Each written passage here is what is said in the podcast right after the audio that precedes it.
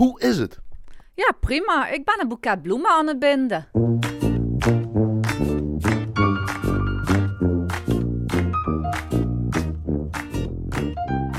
Zijn hier in jouw bloemenwinkel in Kaalheide, Kerkrade West. En omschrijf even wat we zien vanuit jouw werkplek, Tamara Hotselmans. Ik sta eh, achter de toonbank en achter de toonbank is meteen eh, mijn werkgedeelte. Midden in de zaak ook, hè? Midden in de zaak, centraal, waardoor de mensen aan alle kanten kunnen zien wat ik voor hun maak. Heel veel bloemen, het licht komt mooi door de daken.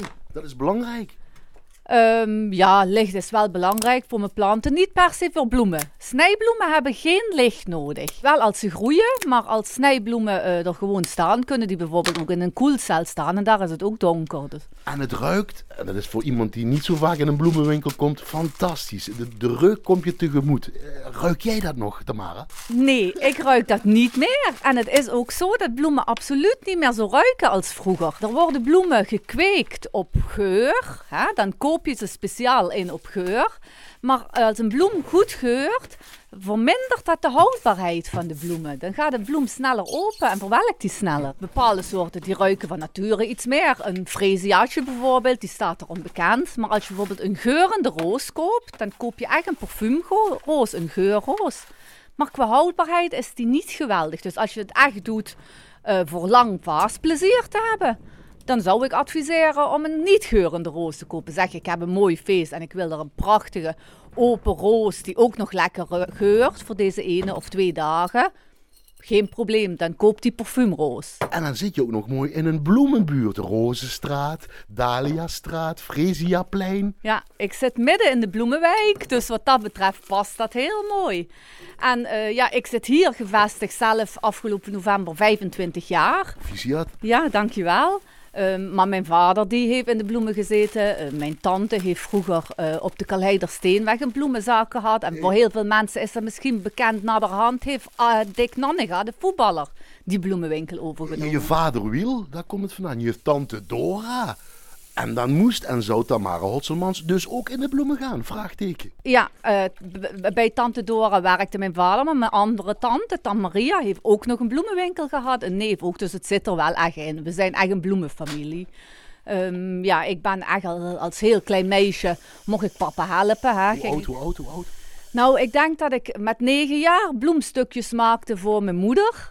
En stiekem, als dan iemand zei, wat een leuk bloemstukje, verkocht mijn vader dat gewoon.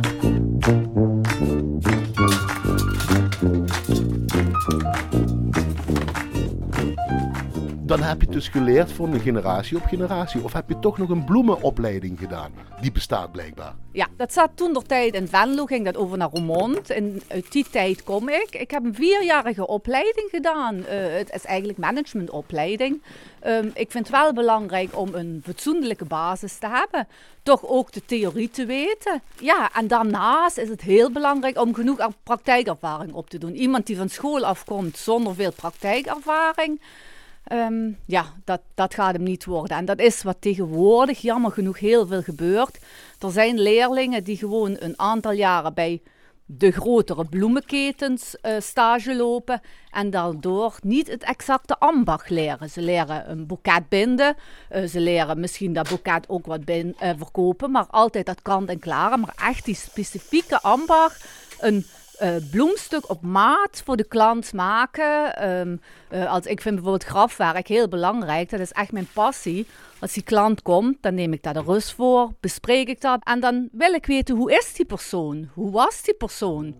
En wat zijn zijn hobby's? Uh, wat, waar hield hij van? En als dat stuk dan een paar dagen later op de kist ligt, dan vind ik dat de familie daar moet zitten en moet denken van... Ja, en dit is pap of dit is mam en dat past bij die persoon. En als dat zo is, dan heb ik het goed gedaan. Hoe begin je dan? Ik ga een mooi boeket binden. Uh, ik heb de bloem al gepakt, die heb ik samengesteld. Wat zien we? Uh, we zien uh, een takje groen, eucalyptus. Ik heb wat allium, ustoma. Een gele roos, een rode roos. Ja, het wordt een mooi bont plukboeket. Een mooie Franse tulp heb ik daarin zitten. Daar komt nog een mooie bloesemtak tussen. Dan moet ik even klimmen en dan pak ik een mooie vaas. Oeps, zo. dan hebben we in de bloemenzaak hebben we een, een. Die mengt het water op de precies de juiste hoeveelheid met uh, kriezel en Een water. pistool zal ik maar zeggen. Ja, en als je thuis bent, dan krijg je dus een zakje voeding aan je bloemen. En op dat zakje, want dat is misschien wel belangrijk, staat altijd hoeveel water je bij een zakje moet doen. En soms heb je kleine zakjes voor een halve liter. Maar ja, ik gebruik altijd zakjes van een liter. Maar dan moet je ook zorgen dat je dus een vaas van ongeveer een liter hebt. Dus goed lezen wat erop staat. Ja, want het is wel belangrijk dat eh, ja, het, het, de hoeveelheid voeding, ja, dat hoeft geen kriezel te zijn, dat mag ook een ander merk zijn, maar dat de hoeveelheid voeding ehm, genoeg is voor bij het water te doen.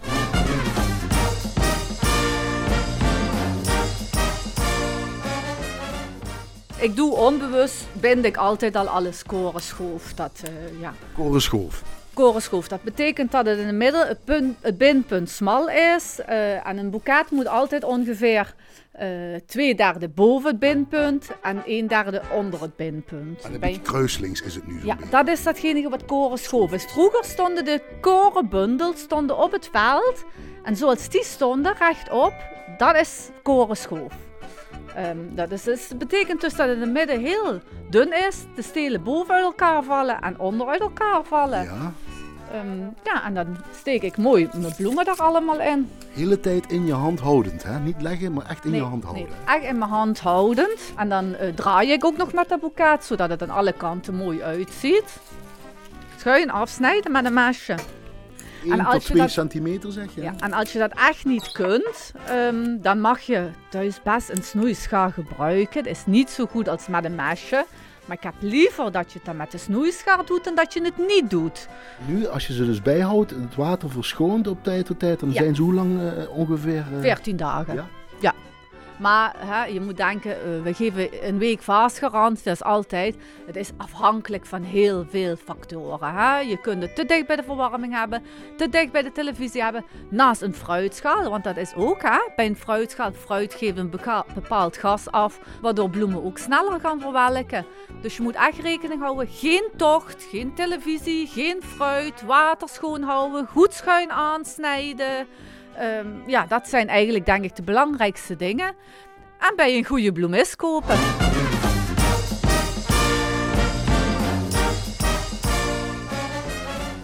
Ik zelf ga heel vaak uit van de producten. Eh, ik heb eh, een, een schets in mijn hoofd, wat ik denk wat past. En ik eh, ga de producten inkopen en gaandeweg met het samenstellen van de producten ehm, zit dan net die ene mooie kronkelige bloem tussen die net die kant uitgaat wat ik mooi vind. En dat hoeft niet allemaal perfecte bloemen en perfecte stelen te zijn, want dat maakt dat bloemstuk uniek. Je komt het tegen. Het valt in mijn handen. Als ik moet zeggen, maak dit bloemstuk na, dan zeg ik tegen de klant altijd, ik maak u ongeveer zoiets. Ik zal ook nooit, als mensen een grafstuk uit een boek uitkiezen, dat boek ernaast leggen en dat grafstuk gaan maken. Ik kijk naar dat plaatje, de producten die die klant uitziet, moeten erin zitten.